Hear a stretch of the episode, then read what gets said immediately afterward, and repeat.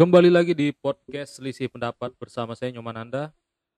Dan kali ini saya sendirian saja, tidak seperti biasanya. Saya tidak bersama Satria karena Satria sudah mendapat pekerjaan yang lebih layak dan lebih menjanjikan daripada sekedar berpodcast bersama saya ya.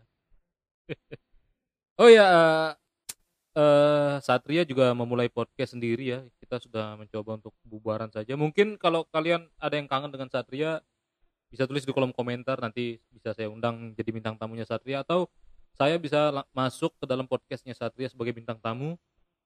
Podcastnya Satria bernama uh, bicara hotel apa? Ngomongin hotel. Bicara hotel kayaknya. Oke lanjut saja uh, walaupun saya saat ini sendiri ya. Saat ini saya mencoba untuk uh, sendiri saja dengan format baru. Siapa tahu dengan format baru ini pendengarnya jadi makin banyak gitu. Karena kalau sama Satria kan kebanyakan bercanda ya dan uh, podcastnya tidak akan berganti nama walaupun saya sendiri tetap bernama selisih pendapat. Karena saya akan mencoba melakukan selisih pendapat dengan popular opinion yang tersebar di tengah-tengah masyarakat. Tema saya kali ini uh, cukup ekstrim ya. Eh bisa dibilang ya bisa menuai kontroversi lah kalau didengar setengah-setengah. Makanya saya minta untuk para pendengar tolong didengarkan sampai habis ya.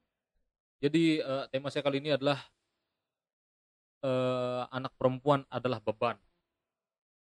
Maksud saya tidak semua perempuan, maksud saya uh, jika kita anak punya anak perempuan itu adalah beban. Ini saya dapat dari ke keluarga saya. Ini popular opinion yang uh, beredar di keluarga saya. Kebetulan keluarga saya ini keluarga yang cukup konservatif ya.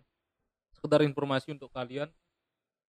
Jadi saya ini lahir dan besar di Lombok, tapi saya ini suku Bali gitu.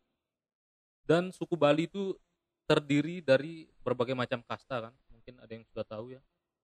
Dan di keluarga saya ini keluarga besar saya ada dua macam kasta. Kasta Brahmana yaitu kasta tertinggi dan kasta Sudra yang mana adalah kasta yang paling rendah ya. kebetulan keluarga saya ini berasal dari kasta Sudra yang paling rendah ya. Maksud saya keluarga kecil saya. Sedangkan eh, sepupu dari bapak saya adalah kasta Brahmana kasta yang lebih tinggi dan biarkan saya beritahu betapa konservatifnya keluarga besar saya yang Brahmana ya. Jadi waktu itu bapak saya sempat dikeroyok ya. Masalahnya bisa dibilang cukup sepilih jadi bapak saya ini uh, main bola gitu kan. Main bola bersama sepupunya yang Brahmana. Jadi bapak saya nendang bola. Nendang kan pakai kaki kan. Nendang bola. Di kop disundul bolanya oleh sepupu dari bapak saya yang merupakan adalah Brahmana. Jadi itu bapak saya langsung diteriaki, dasar kualat, dasar sampah masyarakat, dasar koruptor dana bansos. Itu sih sedikit berlebihan. Jadi bapak saya itu langsung diteriakin dan di, dikeroyok loh. Yo ampun. Dikeroyok gara-gara gara-gara nendang bola dan bolanya dikop oleh sepupunya yang Brahmana ya. Tapi untung permasalahannya bisa diselesaikan secara kekeluargaan ya. Tentu saja setelah orang tua saya atau bapak saya ini bonyok ya baru diselesaikan secara kekeluargaan. Bayangkan kalau masalah ini diselesaikan di kantor polisi gitu kan. Pas polisinya lagi BAP yang ngeroyok bapak saya ya. Kalau saya boleh tahu kenapa saudara tersangka bisa mengeroyok saudara korban. Habis dia memberikan saya umpan lambung. Wah, kalau begitu ya. Dan uh, itulah dia keluarga saya sangat-sangat uh, kolot gitu bisa dibilang konservatif. Jadi ya begitulah. Jadi wajar saja kalau mereka itu berpikir anak perempuan adalah beban ya. Jangankan anak perempuan adalah beban ya. Banyak anak banyak keluarga saja mereka masih eh, banyak anak banyak rezeki saja mereka masih percaya gitu. Mungkin banyak anak banyak rezeki akan saya ulas di episode berikutnya ya. Tapi sebelum kita masuk uh, ke dalam pembahasan ya sebelum masuk ke dalam argumen bahwa anak perempuan adalah beban salah satu suku di Indonesia itu kan e, jika anak perempuannya dinikahi oleh laki-laki maka lelaki tersebut lelaki tersebut harus memberikan mahar atau mas kawin ya kan? Jadi tidak semua orang Indonesia bahkan dunia sepakat bahwa anak perempuan itu adalah beban. Buktinya salah satu suku di Indonesia ini ya, yang tidak akan saya sebut nama sukunya apa karena saya tidak mau dibilang syarat teman-teman. Jadi jika kita mau melamar uh, kita laki-laki mau melamar perempuan dari suku tersebut kita harus memberikan mas kawin bisa berupa sapi babi kerbau kuda atau gading gajah gitu. Dan kalau kita memberikan hewan ternak tidak hanya hewan ternaknya saja tapi juga beserta kandangnya ya kan? Jadi biasanya kalau kuda satu kandang misalnya kita uh, menukar anak perempuan dengan kuda. Kuda satu kandang saja isinya bisa 20 atau 30 ekor. Plus kandangnya. Berarti kita disuruh beli tanah. Suruh beli tanah sekitar ya tiga lima are mungkin. Lima are belum lagi beli semen itu mungkin bisa habis 300 juta. Mungkin ya mungkin. Eh kerasa juga tidak pernah mencoba berpikir untuk menikahi wanita dari suku tersebut. Selain jaraknya jauh juga buat apa ya kan? Jadi bayangkan suku tersebut memiliki anak laki-laki ya. Wah anak saya laki-laki. Hmm, sepertinya sapi saya satu kandang akan berpindah tangan. Karena anaknya pasti akan melamar perempuan dari suku tersebut ya kan? Dan kita masuk ke dalam pembahasan di keluarga saya ini memiliki argumen bahwa anak perempuan nggak usah sekolah tinggi-tinggi. Toh nanti juga akan diambil sama pihak suami. Kepintarannya jadi milik mertua. Ini. Yang punya argumen seperti ini, tidak hanya di keluarga saya, mungkin di uh, masyarakat luas ya. Yang punya argumen seperti ini pasti memandang wanita hanya sebagai objek seksual. Ya kan? Anak perempuan tidak usah sekolah tinggi-tinggi. Hei, anak perempuan juga berhak memiliki pendidikan yang tinggi kan. Sekarang kita pikir aja kayak gini ya. Misalnya kamu punya anak perempuan ya kan. Kamu sekolahin tinggi sekolah kedokteran. Oke lah dia akan menikah.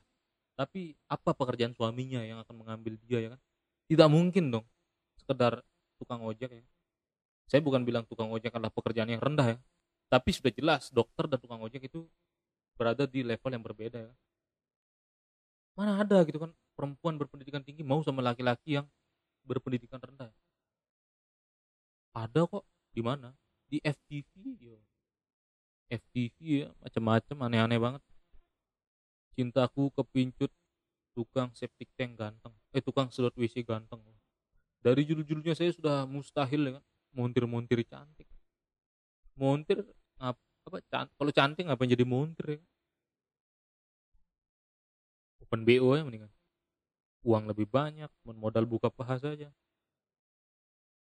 Jadi gitu argumen seperti ini nih kayaknya nggak hanya di keluarga saya aja deh. Contohnya adik sepupu saya ya kan perempuan. Dia ini bisa dibilang cukup cerdas lah. Dia ini mau meneruskan kuliahnya di pendidikan agama Hindu ya kan? Sama bapaknya dilarang. Buat apa kamu pinter-pinter ya? Nanti juga yang dapat ilmunya mertua kamu bukan saya. Yang ngeluarin uangnya saya. Yo akhirnya dapat suami satpam. Saya tidak bilang satpam itulah profesi yang rendah ya seperti tadi ya. Tapi kita semua tahu lah satpam gajinya tidak bukan di atas 10 juta juga ya kan? Dan banyak sekali orang di kampung saya yang uh, berpikir seperti ini. Itu itulah makanya mungkin kenapa di kampung saya itu sangat tinggi angka perceraian ya kan? Menikah menikah sampai di rumah mertua nggak bisa apa-apa ya. Kenapa menantuku kalem sekali kalem kalem masak nggak pernah. Kerjanya cuma di kasur saja pasar nggak bisa nawar. Jadi itu itu argumen yang pertama anak perempuan tidak usah sekolah yang tinggi. Saya tidak setuju. Kemudian membesar uh, argumen yang kedua ya. Membesarkan anak perempuan biayanya mahal. Bro, membesarkan anak laki-laki juga biayanya mahal ya kan. Anak perempuan minum susu, anak laki-laki juga minum susu ya. Bukan berarti anak perempuan minum susu, oh, anak laki-laki kuat minumnya cap tikus. Oh, waduh. Tidak seperti itu ya kan atau mungkin maksud dari argumen membesarkan anak perempuan biayanya mahal adalah uh, anak perempuan kan datang bulan uh, perlu apa nih? Pembalut ya kan? Kemudian perintilan-perintilan aksesoris seperti ikat rambut juga. Anak laki-laki kan tidak butuh. Terus apa lagi?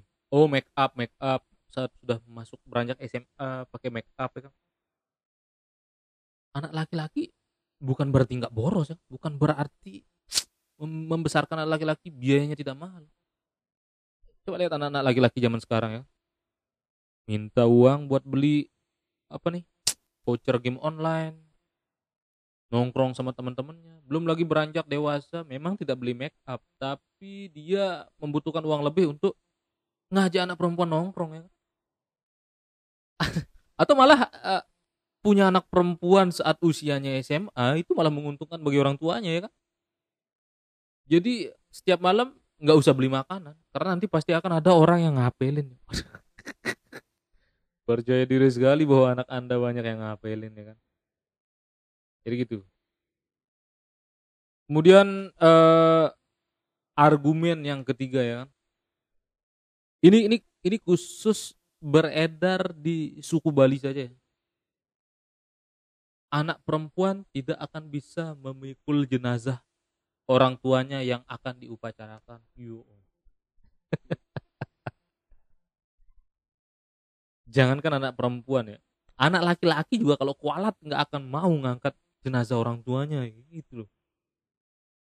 Anak perempuan tidak akan memikul jenazah orang tuanya. Ya memang, memang bukan pekerjaan perempuan memikul jenazah orang tuanya, tapi kan perempuan pasti menikah dong, pasti suaminya laki dong, tidak mungkin suaminya perempuan.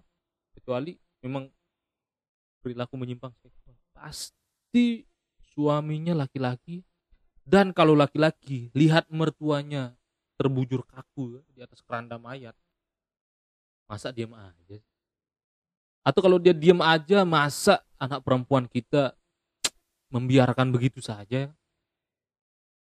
Yang angkat jenazah papa. Enggak ah. Ya ampun. Tidak mungkin seperti itu. Istri saya saja saya marahin belanja di Shopee. Itu ngancem tidak memberikan saya jatah saya langsung ngalah loh. apalagi ini tidak mau ngangkat jenazah orang tuanya ya kan? Pasti. Yang perempuan marah dong. Jangankan jatah. Minta cerai dia ini sih aduh pantesan orang-orang di kampung saya nggak maju-maju gitu kan termasuk saya juga podcastnya nggak maju-maju Jadi gitu saja untuk uh, percobaan pertama format sendiri ini ya. Jadi tidak banyak bisa saya bahas karena sendiri memang susah ya. Jadi apabila ada uh, tema yang ingin kalian saya bahas atau yang ingin kalian eh, minta saya untuk membahas silahkan tulis di kolom komentar saja ya.